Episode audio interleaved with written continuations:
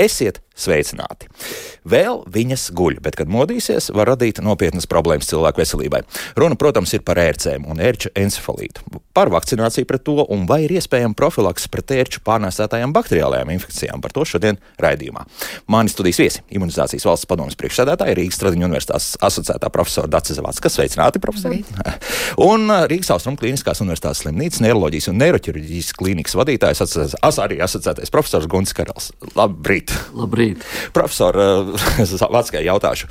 Mm, lasu mm, X un ne tikai sociālajos tīklos daudz dalās ar to, ka slimo ar gripu. Ir vērts šobrīd eh, jau tā, tā kā bažām būt, vai, vai tas ir normāli šobrīd parādījumi, un nekas tāds liels uz, uzplaukums vai pīķis nav. Nē, nu pīķis ir un uh, nekas jauns tas arī nav. Bažām bija jābūt ātrāk, nevis tagad. Bet, uh, jāsaka, gripa izskatās vairāk, ka viņi iet tādā zināmajā sezonas aktivitātē, un viņi nesākās agrāk, kā bija iepriekšējie divi gadi.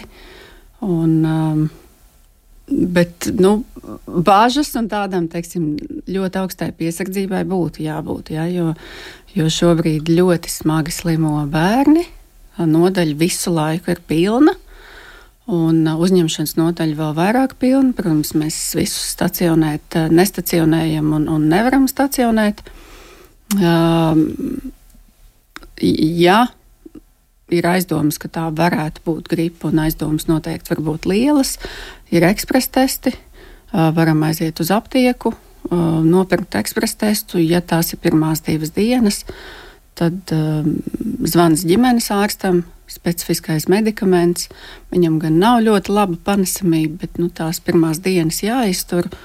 Nu, un tad var vismaz kaut kā no komplikācijām izvairīties. Uh mhm. -huh. nu, un uh, savukārt vēl mēģināt ātri vakcinēties pret gripu. Jā, var. Vēl jau kādi mēneši, divi, trīs noteikti. Tas būs aktuāli. Tas būs, jā. Tā kā tikai uz priekšu. Nu, labi, bet pie šīs dienas tematikas. Un tā, vakar apsolīja mūsu radioklausītājiem labas ziņas visiem tiem, kas jau ir vakcinējušies pret ērču encefalītu, un arī tie, kas vēl vakcinēsies. Un tad, nu, laikam, sākam ar tām labām ziņām. Nu, jā, tās, tās ziņas ir tiešām, mēs arī paši esam priecīgi. Um, um, ir pagarināts intervāls balstu vakcinācijai pēc ceturtās devas, ja iepriekš mēs vakcinējāmies ik pēc pieciem gadiem. Un vēlākā vecumā, tātad seniori ik pēc trīs gadiem, tad tagad neatkarīgi no vecuma, pēc ceturtās devas mēs esam pagarinājuši uz desmit gadiem gadiem. Tas viss, protams, ir zinātniskos pierādījumos balstīts. Gan Latvijas pierādījumos kopš 2016. gada mēs kopā ar profesoru Karelu esam nu, tādus valsts līmeņa pētījumus veikuši ļoti daudz par ērču encefalītu, tā skaitā vakcīnu efektivitāti. Un, uh, mēs neesam vienīgie. Tāda doma ir bijusi jau labu laiku atpakaļ arī citā, citās Eiropas valstīs ārstiem un zinātniekiem. Un, nu, jāsaka, laikam mēs šoreiz esam. Uh, varam sevi paslavēt, jo mēs to esam pierādījuši vienīgā valsts šobrīd Eiropā ar tādiem valsts līmeņa pētījumiem un, un pamatojumiem, to, ko citi ir varbūt tā reģionālāk izdarī, izdarījuši, vai Šveice, piemēram, vispār bez jebkāda zinātniska pamatojuma daudzus gadus atpakaļ pagarināja šo intervālu. Jā.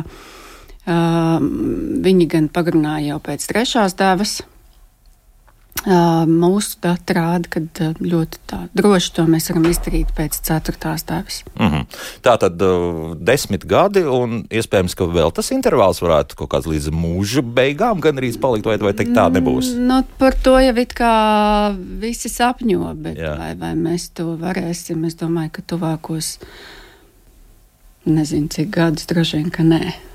Nu, bet desmit gadi jau tomēr arī tas nu. Tieši tā, tieši tāpatās kā mēs esam varbūt arī pieraduši jau diftrijai un stingumkrampiem. Un tas nevien ļaus ietaupīt naudu, jo pieaugušo vecumā vakcīna ir par maksu. Arī daudziem bērniem joprojām ir par maksu. Ne visiem, bet, bet daudziem bērniem. Um, lai gan apdrošinātāji, man liekas, diezgan viņu labprāt iekļauj arī savās segumos, bet nu, vienalga tas ir gan naudas ziņā ļoti labs ieguvums, gan arī nu, tādai atcerēšanās Kad... ka, ir, jā. Jā, ka ir tāda lieta. Bet uh, mums bija arī, spriežot, es lasu, lasīju, es biju palaidis to garām, ka arī bērniem bija speciāla programma izstrādāt faktiski vakcinēšanas, vai tā mm. tur viss sanāca tā kā vajag, vai, vai kaut kas nogāja? Nē, nē, nu sanāca no 2010. gada bērniem, kas dzīvo uh, endēmiskos rajonos, lai gan nu, diezgan smieklīgi tas ir, jā, mēs esam visa valsts endēmiska. Un, un, un, un mēs esam maza valsts, un, ja bērns dzīvo Rīgā, tad vienās brīvdienās viņš ir pie vecmāmiņas Ventspilī, un otrās brīvdienās pie vecmāmiņas Madonā, tad nu, viņš visu laiku viņam ir iespēja inficēties, bet nu, vismaz kaut kā tā nauda, kas tika piešķirta katru gadu, tika sada, sadalīta tiem vairāk endēmiskajiem rajoniem un bērniem, kas bija bez, uh, bez aizbildņa, tātad, ja, bez vecākiem, tiem valsts nodrošināja. Nu, vienlaicīgi ar šo lēmumu pagarināt intervālu, protams, kad mums ir visi pamatojumi kāpēc vajadzētu arī valsts kalendārā ielikt bērniem līdz 18 gadu vecumam, neatkarīgi, kur viņš dzīvo. Uh, nu, Bez maksas. Tā, bez maksas, protams, pie tā mēs centīsimies pārliecināt, strādāt, bet tas ir tikai un vienīgi naudas jautājums. Uh, ministrija to saprot, Nacionālais veselības dienests to saprot. Jautājums ir tikai, kur ņemt naudu. Nu jā. Nu, tas ir tas mūžīgais jautājums. Ja? Bet šobrīd gan nu, tas, tas viens no tiem jautājumiem ir, kāpēc vispār vakcinēties, bet kāpēc ir vakcinēties, šo jautājumu es uzdošu tūlīt pat, kad mēs būsim noklausījušies kādu ierakstu. Ko iedzīvotāji Kurzemes mazpilsētā Kandavā domā par ērcēm un vai potēs par tēču encefalītu, šonadēļ skaidroja Daina Zalamena. Klausāmies! Jā, ir cilvēki, kas principā nevakcinējas ne pret ko. Es piederu pie tās grupas, kas no visu novakcinējusies. Es eju rudenī mežā sēnēs, un, un ja es nepotējos, man bail ir iet uz to mežu. Bet tāda būs nostāja ģimenē, jo meita arī potējās un potēja bērnus savējos, un, un visi mēs potējamies. Vai jūs potējaties pret ēģu encefalītu? Priekš kā? Ēdis ir daudz bijuši bērnībā un visu laiku pabišķi. Nu, jums problēma? liekas, ka jums jau ir kaut kāda imunitāte? es domāju, gan ir jau cilvēki, kuriem lienu viņi ir ir jau kuriem neliek. Man ļoti reti. Sieva iet blakus viņai pilien. Un tas ir jau potējis? nē, nē, nē. Arī nē. nē. Vai jūs esat potējies pret tēču encefalītu? Jā, esmu. Manā uh, mamma saslima ar uh, laimes slimību, pārslimoja. Un tad tā izdomāja, ka īsti nu, vajadzētu varbūt. Laikam bailes no ērča encefalīta, no pašas slimības. Viņai ir ļoti man liekas, smagas sekas, ja tu saslimsi ar to slimību.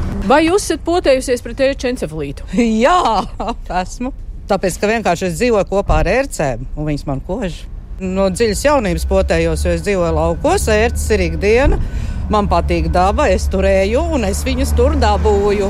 Un, ir, un es esmu laimes slimības īpašniece. Nu, līdz ar to, paldies Dievam, vairāk nekā nav. Vai jūs esat potējusies pret ērču encefalītu? Es ne. Bērni gan divi gadi un astoņi mēneši viņa ir vakcinējusies, un arī desmitgadīgais dēls. Un svarīgi ir arī tas, ka tā pote ir bez maksas. Jā, protams.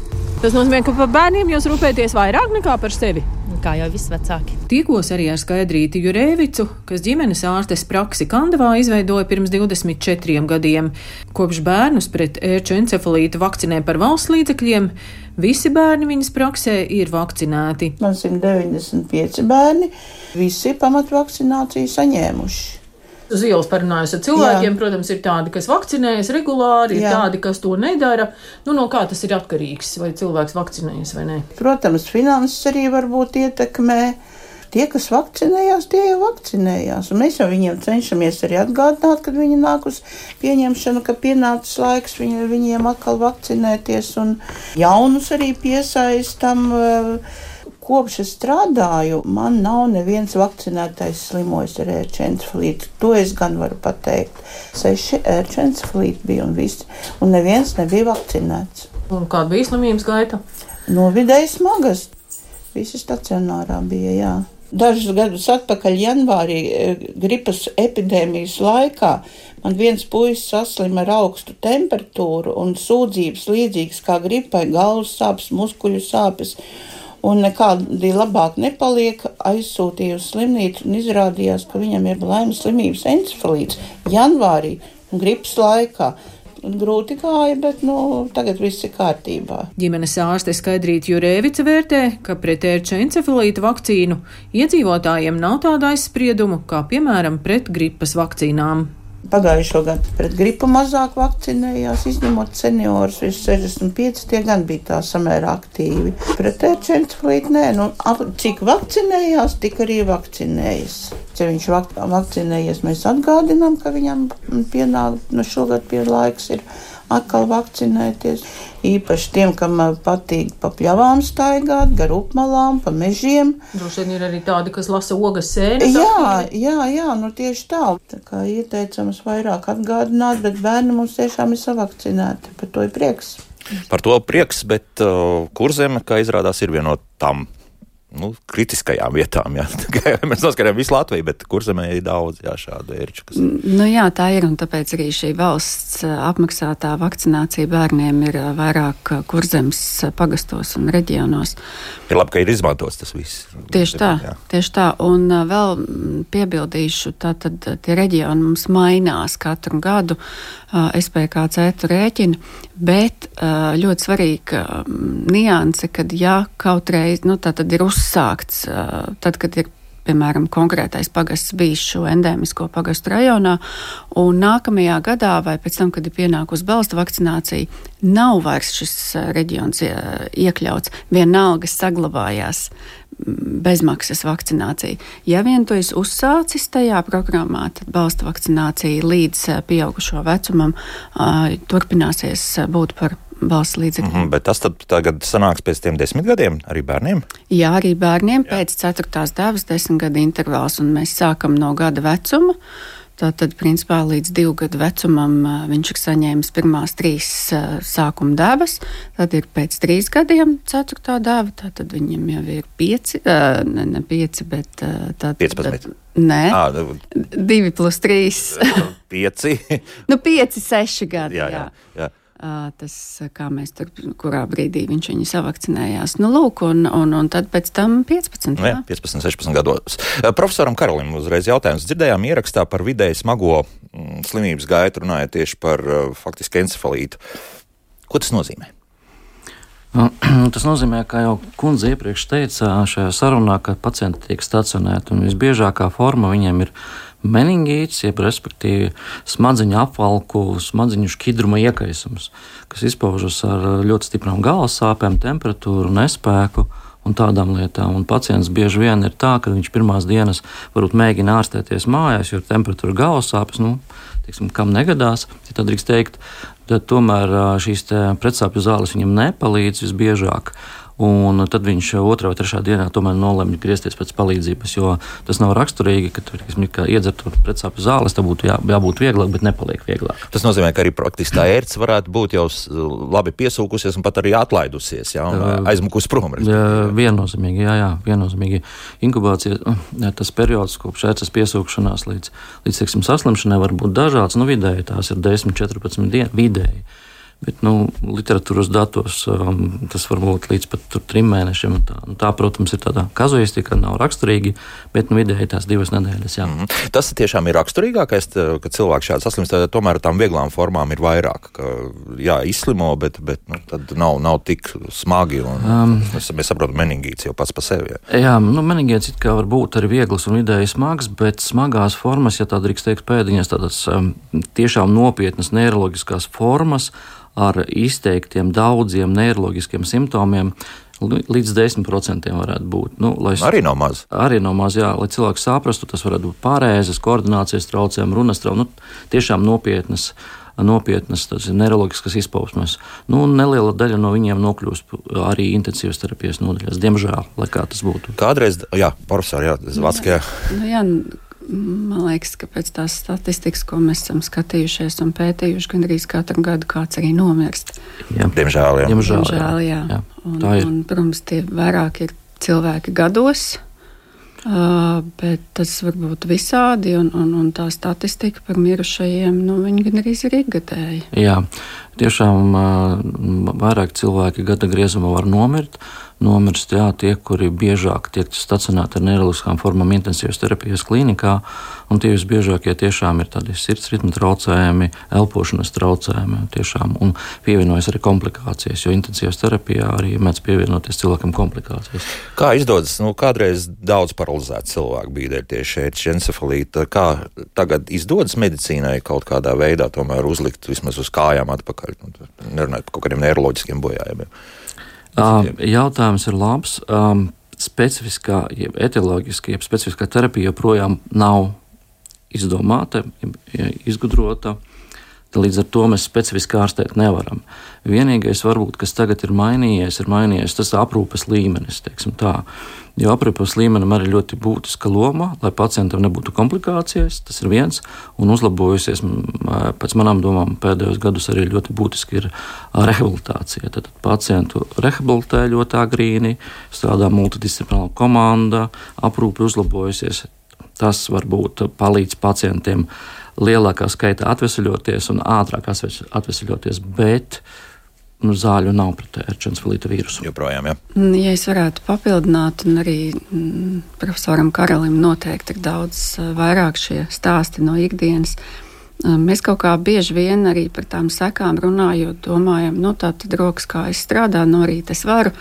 Uh, viss ir kārtībā, bet uh, ir tādas sekas, ko mēs varbūt pat reizēm nesaistam savos eh, prātos ar pārslimota erčencefalītu, tādu kā atmiņas traucējumi. Eh, ja tie ir jauni cilvēki, tie bērni, tad tās ir mācīšanās eh, Grūtības. problēmas un, un, un, un dažādi veidi kognitīvās, tās pašas galvas sāpes un, un, un intensitāte, un es nezinu, tur cik tas ir pamatot teikt arī par migrēnas attīstību vai, vai arī redzes traucējumiem. Nu, ir Tas ir tas, eh, par ko mēs varbūt tieši pēdējos gados eh, Eiropā runājam. Ja? Kad tad, ja tu esi izvesaļojies un tev liekas, ka nu, fiziski tu funkcionē, bet uh, ir daudzas lietas, kas uh, tagad ir pierādītas kā sekas pēc ērčēnas. Un tas nozīmē, to ir vērts noteikt, vai to vispār var noteikt, ka kādreiz bijis un nu, ir izslimots. Jā, pie, uh, papildinot profesoru, pilnīgi piekrītu, ka šīs sekas ir pat līdz pusē no pacientiem, kuri pārslimojuši arī meningītus. Tas nav tikai smagās formas, kā meningencefalīte, piemēram, bet tikai meningīti. Un to var noteikt, to varētu mēs traktēt sekojuši kā dzīves kvalitātes, teiksim, pasliktināšanās. Nu, arī mēs izvērtējam, parasti gan neiroloģis izvērtē neiroloģisko stāvokli, gan arī iespējams izvērtēt šīs dzīves kvalitātes skalas, kas parāda um, to ietekmi no ērčensfilīta um, uz pacienta funkcionēšanu ne tikai fizisko, bet arī uz pārējo. Un to mēs arī dinamikā varam izvērtēt, kā tas labojas, nelabojas un tā. Mm -hmm. Tātad, ja ir kādas aizdomas, ka varētu kaut kas tāds bijis, varbūt pat nav fiksēts tiešām šī ērts, bet nu, tad ir vērts un to var pārbaudīt. Jā, jā, jā to var izvērtēt. Gan objektīvo stāvokli, gan arī šo dzīves kvalitāti. Mm -hmm. no, ģimenes ārsta skandāls mēs dzirdējām arī to, ka jā, nu, visi tie, kas ir faktiski potēti, ar, ar tiem viss ir kārtībā. Vai tomēr pastāv kaut kāda iespēja, ka ar visu to, ka ir iziets viss šis kurs, un tagad nu, arī tie intervāli būs garāki, bet nu, ar, ar to īso intervālu, ka tomēr tā slimība skar cilvēku. Protams, dzīvē vispār nekas nav simtprocentīgs, izņemot nāvi. Un, uh, jebkurai vakcīnai var būt uh, tātad vakcīnas neefektivitāte vai uh, nu, tā saucamais, pat nezinu, kā latviešu mēs tos failers saucam, ja, Jā. ka tu esi pilnībā uh, izgājis atbilstoši vakcinācijas kursam laikā un sekojis balstu vakcinācijām, vienalga saslimsti. Uh, Tas ir viens uh, veids, kā tādi var būt, un mēs viņus esam skaitījuši pa. Man liekas, pa, pa, pa, ja tagad pareizi atceros, tie bija 11 gadi. 11 gadu laikā mums tādi bija zem desmit, un lielākā daļa no viņiem bija ļoti veci. Desmit cilvēku, nevis procenti, bet jā, cilvēki. Desmit jā. cilvēki. Mm. Un, un, un, un, un daļai no viņiem bija um, dažādi rīmu un supresējoši stāvokļi, kas arī neļauj uh, efektīvu vakcīnai um, izveidot šo aizsardzību, un otrs, uh, kad mēs esam uzsākuši un neesam pabeiguši vai neesam laikā balsta vakcināciju saņēmuši. Un uh, tad, jā, var saslimt, li lielāka iespējamība saslimt, uh, ja piesūkusies ir inficēta ērce. Uh, bet tad mēs arī mēģinājām to skatīties um, savā pētniecības visos šajos gados. Uh, varētu tā būt, ka tad ir vieglākas gaitas formas. Tomēr, ja kaut jā. kādā veidā arī tās vakcīnas arī šādi strādā. Jā. Noteikti. Mm -hmm. Bet varbūt, ja es drīkst paturpināt. Jā. Par to vakcīnu efektivitāti un arī kā mēs nonācām līdz šim desmit gadu intervālam, tad uh, vakcīnas efektivitāte pret dažādiem slimības iznākumiem, gan vienkārši inficēšanos, vai nonākšanu slimnīcā, vai nonākšanu intensīvā terapijā, uh, ir 99, 98%. Mēs tur skaitām tiešām ciparus aiz komata. Un tā ir nu, jāsaka, viena no labākajām, no efektīvākajām, nav pareizi teikt, labākajām, viena no efektīvākajām vakcīnām vispār pasaulē šobrīd. Ja? Abas uh, Eiropā reģistrētās ērčencefalīta vakcīnas. Uh, tas mums pašiem bija patīkams pārsteigums, ka tā efektivitāte ir tik augsta. Kas priecē? Jā. Kas, kas priecē. Nu, sāk mums parādīties jautājumi mājaslapā, un gribu atgādināt, ka tiešām mūsu šīs nedēļas jaunievedums, un cerams, ka tas paliks arī turpmāk uz nākamajiem gadiem, ir arī mūsu saziņa šai gadījumā WhatsApp, un tur mums tālrunis ir 25 660 440. Tur varat sūtīt savus jautājumus rakstiski, joprojām atgādinu, pēc pāris mēnešiem cerams, ka mēs pārvāksimies jau uz jauno studiju. Šīs funkcijas eh, šim tālruņa numuram noteikti palielināsies, bet eh, šobrīd šobrīd, nu, tad mēs varam rakstīt arī tur. Būsim atpakaļ burtiski pēc trīs ar pus minūtēm. Kā labāk dzīvot? Jā, šodien mēs raidījumā runājam par paradoxālu, bet iespējams pašu bīstamāko iedzīvotāju mūsu Latvijas mežos, pļavās.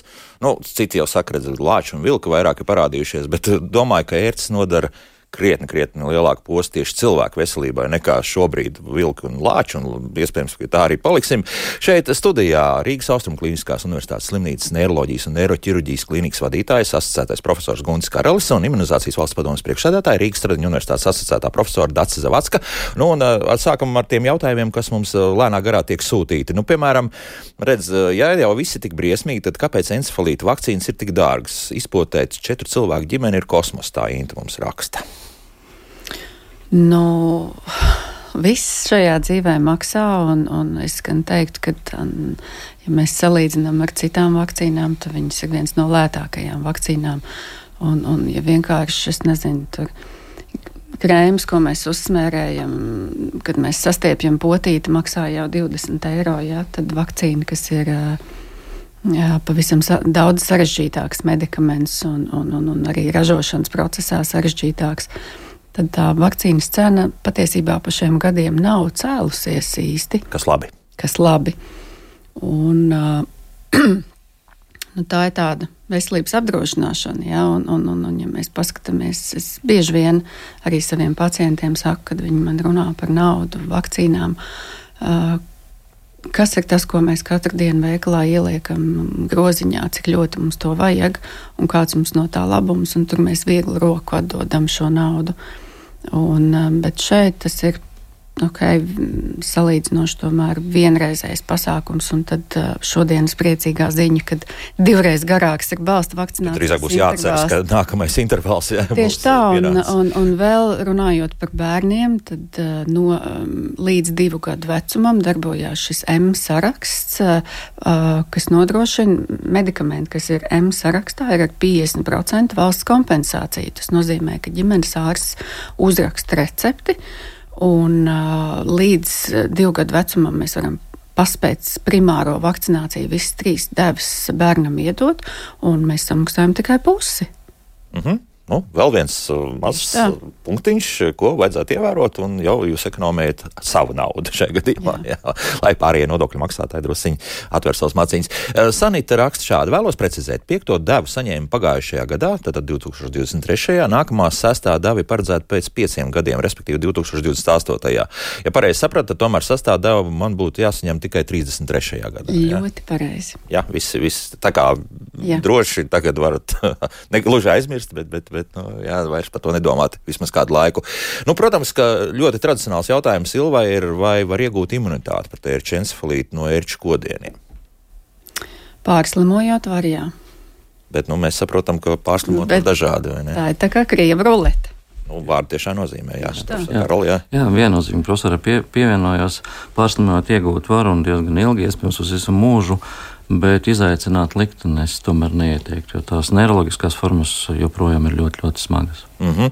Vai vispār rēča encefalīti var saslimt tikai tad, kad iekož ērts, respektīvi, ka tā jau ir piesūkusies un to savu to, nezinu, snuķīt vai kā pareizi? Jā, ērcis, ērcis mums piesūcās, un tik līdz kā viņa ir piesūkusies, kā viņas nuķīt ir mūsu ādā iedurusi, tā uzreiz pirmais viņa izdala šo ērču encefalīta vīrusu.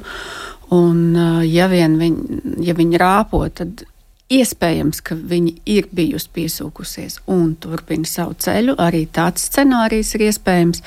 Bet, uh, nu, ja viņa, mēs atrodam piesūkušos ērci un viņa ir tā kā smuki tur pieķērusies, tad, ja viņa bija inficēta ērču encefalīta vīrusu, viņa jau būs ievadījusi. Savukārt, uh, laimes uh, slimībai izraisītājiem uh, borelijām ir nepieciešams vismaz 24, 48 stundas, lai uh, izraisītājs nonāktu cilvēkā no ērces. Nu, labi, ja mēs esam sākuši runāt par laimes slimību, tad to mums arī jautā. Protams, mājaslapā diezgan loģiski. Nu, ir mums tās bakteriālās infekcijas, tur es saprotu, ka tā ērts var pārnēsāt diezgan lielu skaitu dažādu baktēriju. Nu, tā laimes slimība tad ir visbīstamākā no visām, vai, vai tur vēl kaut kas būtu jāpiemina? Mm, visbiežākā, un šeit es atļaušos izmantot uh, skatuvi un, un teikt, ka uh, būs aitas, būs slaucēji, lai gan aitas neslauc, būs cirpēji. Un, šobrīd ir laboratorijas piedāvā nu, aiznest ērci un nosaka tādu paneli uz visām iespējamām infekcijām, ko ērcis vispār var pārnēsāt. Un tad, ja viņš ir pozitīvs, cilvēks nezina, ko darīt. Nevajag nest lūdzu tās ērces, un nevajag viņus noteikt, jo lielākā daļa visas rīkēcijas, erlihiozes, jebko, ko mēs tur redzam, visbiežāk nebūs aktuālas. Un, ja būs, tad viņas būs aktuālas tikai tad, ja sāksies simptomi. Mēs profilaktiski neko nedosim. Tātad, ja cilvēks nav vakcinēts pret ērču encefalītu, arī tādā gadījumā nest ērci pārbaudīt nav nekādas jēgas, jo uh, zāles pret ērču encefalītu nav. Tātad, ja viņa piesūkusies, viņa jau ir ievadījusi, un ja viņa bijusi inficēta, nu, tad mēs varam tikai nakt, simptomus, simptomus un naktī negulēt. Uh, un savukārt, ja viņi būs inficēti ar daudz citām, ko, kas var tā būt, tas nenozīmē, ka tas cilvēks noteikti saslims. Tāpēc uh, lūdzu nenesiet ērces uh, pārbaudīt, un ja jūs nesat, tad ar šo informāciju paliekat pie sevis un nemeklējiet atbildes. Nu, ko man ar to darīt? Neko. Bet uh, sāk kaut kāda antibiotika kūra. Šeit mēs runājam par nē, jau laimes slimību. Nē, nē, mēs nesākam profilaktiski nekādas uh, antibiotikas. Es Neko došu arī neirologam. Nē, Jā, nē, nu, tad, nē, nē, es pievienošos. Jo, jo miegam arī ir liela nozīme. Ā, miegam, jā. Gulēt, jā, mierīgi. Šeit es profesorai pievienošos par um, ierosinātāju noteikšanu ērcēs un nešanu. Šeit varbūt ir viena teiksim, pozitīva ziņa, nu, komentējot nedaudz um, sīkāk, viena pozitīva ziņa atnesot, nu, plus mīnus tā epidemiskā situācijā ar ierosinātāju skaitu, jeb daudzumu ērcē valstī, tad statistiska informācija tiek iegū- iegūta. Bet tas arī viss. Nu, otrs, eh, varbūt tā motivācija cilvēkam, tāpēc, ka viņš priekš sevis mīļāk kaut ko dara. Viņš tur ņēmis, nesis, um, noteicis, maksājis un tā tālāk. Bet tiešām pēc tam ar to informāciju nu, viņai ir mazs pielietojums klīnisks. Jo man nākošais jautājums pieņemšanās parasti ir man, vai jums ir klīniskie simptomi. Tad mēs izrunājam, un izrādās, ka nav. Līdz ar to tā klīnika ir ļoti būtiska, jo vienmēr ir klīnika. Pat arī, ja nav bijusi ērce, bieži vien cilvēki nepamana to ērci, un ir klīniskie simptomi, tad es par to aizdomājos. Bet, ja ērce ir slima un klīnisko simptomu nav, tad nekas. Mm -hmm. Bet, uh, nu, zinot arī, un esmu runājis ar pietiekami daudz cil- cilvēkiem, kuriem tiešām nu, tā laimes slimība bijusi ļoti viegla, nu, tiešām viegla, un, un ir tie, kuriem ir arī klājies ļoti smagi. Neko tur nevar faktiski, tad, ja mēs noķeram tos pirmos simptomus, tad tikai tie, tad sākt kaut kādas Jā, jā, tālākās jā, darbības. Jā. jā, jā. Tad arī ātri jārīkojas, vai tad arī caur ģimenes ārstu viss jādara? Ģimenes ārsts var nozīmēt antibakteriālu terapiju, jo biežākais pieejamais ir doksaciklīns, kas nav ļoti sarežģīti un uzsākt ārstēšanu. Bet vēlreiz eh, vēlos uzsvērt, ka ir būtiski pareizi noteikti diagnozi, jo iepriekšējos gados mums ir bijusi ļoti liela pēc manām domām, hiperdiagnostika, jeb um, viltus gadījumi tikuši apstiprināti. Tagad um, ārstu izglītības līmenis un lekcijas profesori daudz ir no, nolasījis un tā tālāk ir uzlabojies. Un, uh, Laimes slimības gadījumu skaits ir būtiski valstī pēdējos trijos gados samazinājies. Un iespējams, ka viens no iemesliem ir tas, ka tiek precīzi noteikta diagnoze. Nevis apstiprināta viltus gadījuma, viltus pozitīvi gadījumi. Kā var viltus apstiprināt? Viltus Bet... pozitīvi gadījumi, kad ir viltus pozitīvas analīzes. Tur ir divu pakāpju testēšana, un pirmā, pirmā pakāpe var būt viltus pozitīva citu apstākļu faktoru ietekmē. Un tā viltus pozitīvā ir jāapstiprina ar apstiprinošo testu, un tikai tad mēs varam noteikt precīzi diagnozi. Neko nesapratu, bet labi. labi. Jā, un pat ja apstiprinošais tests ir pozitīvs, bet simptomu nav, Jā. mēs neko nedarīsim, Jā. neko neārstēsim. Jā. Un, un tad tā staigāšana uz laboratoriju un analīžu, nemitīga pārtestēšana un skatīšanās, kā tie cipari paaugstinās vai samazinās. Lūdzu, mīļie cilvēki, netērējiet savu naudu, aizejiet pie speciālista un vispār saprotat, vai jums vajag šīs analīzes. Mm -hmm. Bet, uh, nu jā, tad tas nozīmē, ka proaktīvi nekas arī šajā jomā nenotiek. Ja ir ja? simptomi, tad mēs noteikti vēršamies pie ārsta, sākumā pie ģimenes ārsta. Viņš izvērtēs, vajag speciālistu vai nevajag. Un, un tālāk arī tā specifiskā testēšana nu, jau tad iesaistīs vai neiesaistīs speciālistu. Bet es gribētu teikt arī pie tādām nopietnām formām, laimes slimībai, nu, kur tiešām ir svarīgi. Ja, nu, varbūt bišķiņa saulaicīgāk, tas cilvēks tāpatās nonāks slimnīcā. Jo pie neiroboreliozes eh, tas vienkārši nav savienojams ar ambulatoru aprūpi. Tie simptomi, tās sūdzības, tas eh, veselības stāvoklis nav savienojams. Un tad jau, ja tu nonāc eh, stacionārā, tad, tad jau tā diagnoze ir precīza. Kādi ir tie pirmie simptomi, kad jāsāk uztraukties? Jūs, jūs domājat par to nervu sistēmas bojājumu? Jā. Nu, biežākais, kas varētu būt, um, ko barolozi varat ierosināt, tas ir um, sejas nerva iekaisums, kas atbild par mīmikas muskulatūras darbību. Ja es drīkstu izteikties žargonā, šķība seja. Un tas diezgan bieži ir sastopami, un, ja cilvēks to redz, tad viens no ierosinātājiem, viens no iemesliem šim nervu bojām ir arī borelija, jeb laimes slimība. Tas noteikti strauji, tā kā insulta gadījumā? Uh, tas var notikt arī strauji, var notikt arī pusdienas, dienas laikā, divu dienu laikā arī pakāpeniski. Jā.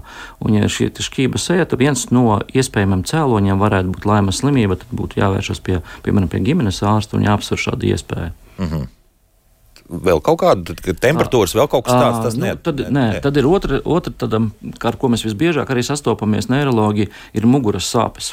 Muguras sāpes, respektīvi, muguras sāpes ļoti raksturīgi ir kas, ka viņas nepāriet, ja muguras sāpes nepāriet no parastajiem, ja tā drīkst teikt, arī precēpju līdzekļiem, ko cilvēki ikdienā lieto nesturītu, piemēram, ibuprofens, diklamelāns un tā tālāk. Un otrs, kas ir ļoti raksturīgs, šīs sāpes ir naktīs. Respektīvi, viņam ļoti stipri sāp, pretsāpju līdzekļi nepali, nepalīdz un sāpes ir naktīs. Sāp kas? Mugura, jostas krustu daļa, iztur uz kājām, vai arī sāp kakla daļa, mugurkaulēm un iztur arī uz rokām. Šķiet, ka tās ir tādas klasiskas muguras sāpes, bet ja bieži vien cilvēkus pārsteidz tas, ka nepalīdz šie pretsāpju līdzekļi, un ārstu pārsteidz tas, ka viņš veicot radioloģiskus izmeklējumus, piemēram, komputeru vai magnetisko rezonanci, tur neko ne, tādu būtisku neatrod, ne diska trūci, ne stenozi kanālu un tā tālāk. Un tad, tad, tad, tad veidojas tāds drusku apjukums. Zāles nepalīdz, radioloģiskas izmeklējumus nekas nav. Kas tad ar viņu notiek? Pacients droši vien simulē. Bet viena no iespējām ir, ka pacientam ir nēra borelioze, jeb nervu sistēmas iekais. Un tas viss var būt nesezonā, respektīvi ziemā. Pilnīgi. Un diezgan dramatisks efekts ir no antibi antibiotikām, kad mēs sākam dot antibiotikas, kad otrajā dienā viņš jau ceļās no gultas, staigā un viss ir kārtībā. Jā. Tik ātri var arī jā, tieši tikt vismaz uz kājām. Tieši jā, nu, tā. Tālāk, jo, protams, ārstēšana turpinās. Jā, jā tieši tā. tā. Runā, ka Lielbritānijā esot tomēr kaut kāda vakcīna priekš pret laimes slimību. Tā varētu būt taisnība. No reģistrēta nekur pasaulē nav vēl vakcīna pret laimes slimību.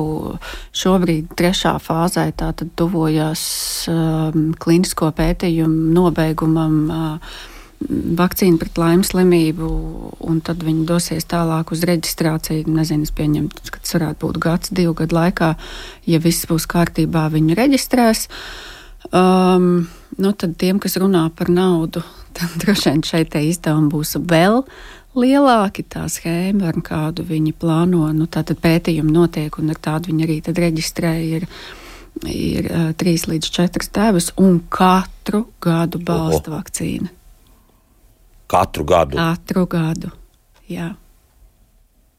Tātad eh, es saprotu, ka apvienot kaut kādu multiplu vakcīnu ne, neizdosies. Teiksim, pret, gan pret encefalītu, gan pret uh, baruljozi. Ja? Nē, nē, nu, nē, ne, ne viss ir. Uh, Nē, nu, es nezinu, nevar droši vien teikt, ka viss nav iespējams. Varbūt kādreiz. Dzirdēju, profesor, jūsu balsī zinām skepsi līdz ar to, ka katru gadu, jā, nu, respektīvi, ka tas būs diezgan sarežģīti un nu, cilvēku uz to neies. Nu, saprotat, mēs no vienas puses gaidām vakcīnu, gribam vakcīnu, un, un, un, un sakam, kur ir vakcīna. Tad, kad vakcīna atnāk, tad mēs izdomājam visādus iemeslus, kāpēc nevakcinēties. Eh, un vispār vakcīnas ir sliktas, viss nelaimes rodās no vakcīnām, un tad tas maksā pa daudz un tā tālāk. Nu, es ar vakcīnām strādāju ļoti, ļoti sen.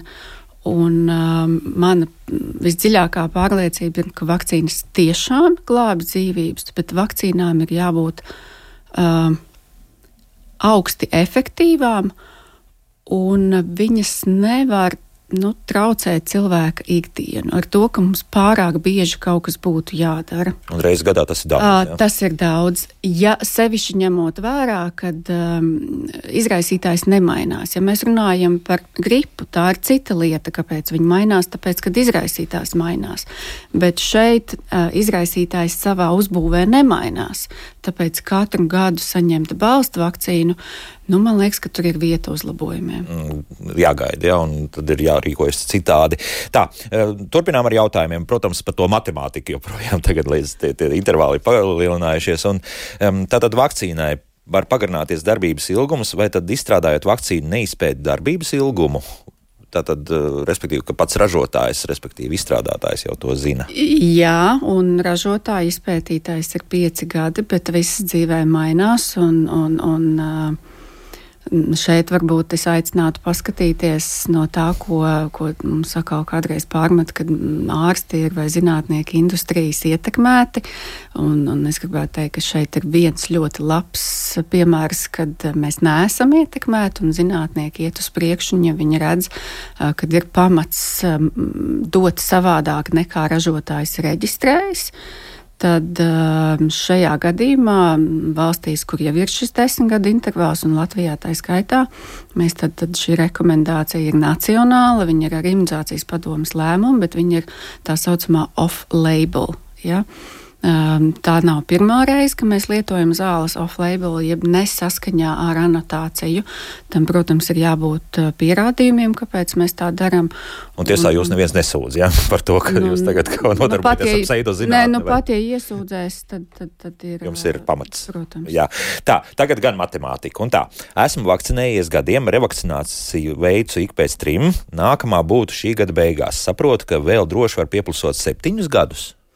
Jā, laikam, ja raksta, ka ik pēc trim balsta vakcinācija droši vien ir pēc 60, 65 gadu vecuma, klausītājs jā, desmit gadus noteikti, pat ja jums ir 70, 90, 80 gadi, desmit, ja, ja vien četras devas jau ir saņemtas, tad no pēdējās devas, kāds tur ir gads, pieplusojam desmit mhm. gadus. Mm. No jā, šādi jautājumi atkārtojas, tad 22. gads tas nozīmē, ka tagad 2032. Jā. gads. Jā, tā izskriesim vēl arī visiem WhatsApp mājas jautājumiem ātri cauri. Izmeklējumos jau ilgstoši antilēma barilioze. Tur ir IgA 120,8, IgM 3,5 pirms gadiem astoņiem bija ērts, pleķis izdzēra antibiotiku kursu, jūtos labi, slimības nemeklēja, bet tie skaitļi kosmos vai jāsatraucas par to ir? Noteikti nē, mēs jau minējām, ka mēs ārstējam simptomus, neārstējam laboratoriskos radītājus šajā gadījumā, lēmslimības gadījumā. To es saku visiem saviem pacientiem, respektīvi, simptomu nav. Pacients jūtas labi, viņš ir vesels un par to ir jāizmirst. Uh -huh. Punkts. Es vēl papildināšu, kas ir vispār antivielas. Antivielas ir imūna atmiņa. Antivielas mums neparāda, cik daudz mūsos ir bijis vai tagad ir uh, izraisītājs. Tā ir imūna atmiņa, un tas ir nepārtraukti dinamisks process. Protams, ārsts speciālists zinās, kā šo dinamiku vērtēt, ja viņam vēl būs svarīga šī dinamika, un tad viņi būs lielos cipros. Vēl var būt tāda situācija, ka, piemēram, Šis pats cilvēks viņam pirms gadiem bija, jā, bija klīniskais simptoms, eritējumi, turpat nevajag noteikt analīzes. Eritējumā jābūt vismaz 5 cm diametrā, ir zināms ērts kodums vai varbūt nav zināms, izdzeram antibiotikas, visas analīzes nenosakam. Un varbūt, nezinu, šajā sezonā, iepriekšējā sezonā viņam atkal bija piesūkusies ērts, kur varbūt pat nebija pamanīta. Tāpēc viņas, tās antivielas, un tās antivielas, protams, reaģēja, jā, un simptomu nav. Bet par to varbūt ir jāpriecājas, par to, ka organisms joprojām ir tādā ziņā aktīvs. Jā? Nu, ar antivielām tāpatās kā ar bitēm. Viņas, sap, viņas saprot tikai speciālisti. Jā. Jā. Un ne visas antivielas, kas mums, mēs to saucam par perifēriju, ko mēs paņemam no vēnes, ja, ne visas no viņām ir funkcionējošas. Tas nozīmē, ka ne visas no viņām spēj izdarīt to darbu, kam viņas ir paredzētas. Viņas tur cirkulē ar savu klātbūtni, bet vai viņi tiešām spēs neutralizēt vīrusu, tam ir domātas citas metodas ar parastajām laboratorijā nosakamā, nosakāmajām metodēm. Mēs to nevaram pateikt. Mm -hmm. Jautā arī par ērču izmēru. Ja pavisam, pavisam pavisam maziņa un, un tikai nu, tāda niezīta bijusi. No tā kaut kas ir atkarīgs vai. vai... Ne, no stadijas, vai tā ir maza uh, nimfa vai, vai jau pieaugusi ērce, nav nekādas atšķirības. Viņa, viņa ir inficēta, viņa ir inficēta. Un... Uh mhm. -huh. Vēl klausītāji raksta, ērce jānes pārbaudīt, jo apdrošinātājs to prasot. Ko tieši viņš apdrošinās? Respektīvi, nu, tas ir par prēmijas saņemšanu visdrīzākais. Nu, es tālāk. labprāt ar šiem apdrošinātājiem parunātu. Jā, no nu labi. Tā. Nu jā, paldies par atbildi jau dienu. Tā, WhatsApp jautājumi ir paņemti, bet tagad ir mājaslapas jautājumi, un tur ir vēl vairāk. Mums ir pavisam maz laika, tāpēc varbūt ļoti īsi un, un konkrēti. Vai tiešām ir tā, ka lielai daļai cilvēku, kas inficēti ar ērču encefalītu, nav simptomu? Jā, tā ir taisnība. Tā, skrienam tālāk. Vēl par gripu jautājot. Nu, principā mēs atbildējām, vai ir liederīgi tagad potēties par gripu, kad tā ir aktīva. Jā, jā joprojām. Jā. Mm -hmm. Tā, pieminētais laimas slimības encefalīts, tā var saukt. Jā. Jā. Uh, parasti tas ir vēlina nēra borelioze un encefalīts visbiežāk tas ir hronisks encefalīts, bet tā var saukt, jā. Mm -hmm. uh, nesaistīts jautājums, bet Gunta uzdod, kāds ir speciālistu viedoklis par vakcīnu pret pneimakoku? Trīs gadus, pirms trīs gadiem to saņemot, teica, ka tas ir uz mūžu, tagad uh, lasa atšķirīgus viedokļus. Ja tā ir konjugētā pneimakoka vakcīna, tad, uh, ja tas ir pieaudzis cilvēks, kas jautāja, ja ir saņemti 13 uh, tipu vakcīna, tad tas ir uz mūžu. Uh, vienīgā atšķirība, kad nāk klāt ar vairāk tipiem vakcīnas, ja ir nopietnas fona saslimšanas, var um, viena tātad balsta vakcīna ar šo plašāko aizsardzību, bet visādi citādi ir uz mūžu. Mhm. Jautājums, kas atkārtojas, kāpēc mums, kāpēc tieši mums ir tik daudz šo inficēto ērču? Mēs dzīvojam tādā geogrāfiskā uh, teritorijā, un no vienas puses mēs esam unikāli arī. Uh, Arī attiecībā uz kaimiņiem, Igauniem, Lietuviešiem mums ir visas trīs ērču uh, vīrusu veidi, ērces pārnēsā. Bet, nu, priekšzinātniekiem tas ir labi. Mm -hmm. Kristīna savukārt rakstīja, ka viņai ir noteikts, ka izslimojas laimes slimību, bet tā arī nav secinājusi. Vispār nav atradusi šo ērci, vai tas ir analīzēs kļūda, vai kā mēs noskaidrojam, ka principā visdrīzākais. Ka... Nē, ērts var, pašu ērts var nepamanīt. Vismaz puse, citos pētījumos 40% nepamanā ērts piesūkšanos. Tā var būt. Jā. Mm -hmm. nu, par ērču aizbaidīšanu un tādām lietām, respektīvi prevenciju. Tad... Prevencija, jā, diemžēl. Uh, Var izmantot dažādas metodes. SPKC mājaslapā un citās mājaslapās jau ir aprakstīts, kā pareizi ģērbties, ko darīt pēc ierašanās no mežā. Un šie repelenti arī var būt gan dabiskie, ķīmiskie, gan mehāniskie un tā tālāk. Gaišas drēbes, jā. jā. Gaišas drēbes, jā. Un to noteikti vajag darīt, bet tāpat laikā nejusties absolūti drošiem, jo ērces ir arī pilsētvidē. Tepat mm -hmm. mūsu esplanādē vai vērmanas dārzā. To pēc suņi var pārliecināties, jā. Tieši tā, un arī inficētas ērces, un, un, un, un tas bija, laikam, ne, jā. ne Guntis, bet kāds no citiem neirologiem, kas man stāstīja, kundze, kas vispār neiet ārā no dzīvokļa, viņai draudzene atnesa groziņu ar sēnēm un puķēm, un viņa mājās inficējās. Tā ka nevajag nemaz biežu mežu un, un, un, un, un, un augstus krūmus, jā, kā tur bija tā, tā, tā vieta, kur mērķis mīļāk gribēja dzīvot. Tā, mm, vai tiešām mērķis var izvēlēties cilvēks pēc asins grupas? Nē. Tā, nē. Nekā tāda nav. Ja? Kāpēc ērsts skožs vairāk tiem, kas lietojuši alkoholu? Nav tādas statistikas. Tas varbūt tāds iespējas kādam rodās. Mm -hmm. nu, re, vēl mums raksta, jā, ka Anglijā brieždārs darbiniekiem obligāti laimes pote esot jau kaut ko, kaut ko viņiem tur. A, nezinu, varbūt. Injekcijas kaut kāds veids. Angļiem arī tā profilakse nedaudz vadlīnijās atšķirās, tā ka valstis var no valsts atšķirties nedaudz.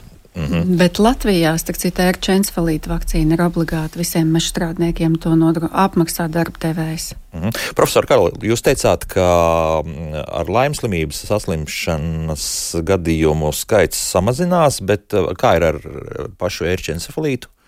Jā, čensfalītu gadījumu skaits ir pēdējos trijos gados diezgan stabils. Un diezgan dīvaini ir, ka ērčensfalītu gadījumu skaits un laimaslimību gadījumu skaits Latvijā ir izlīdzinājies.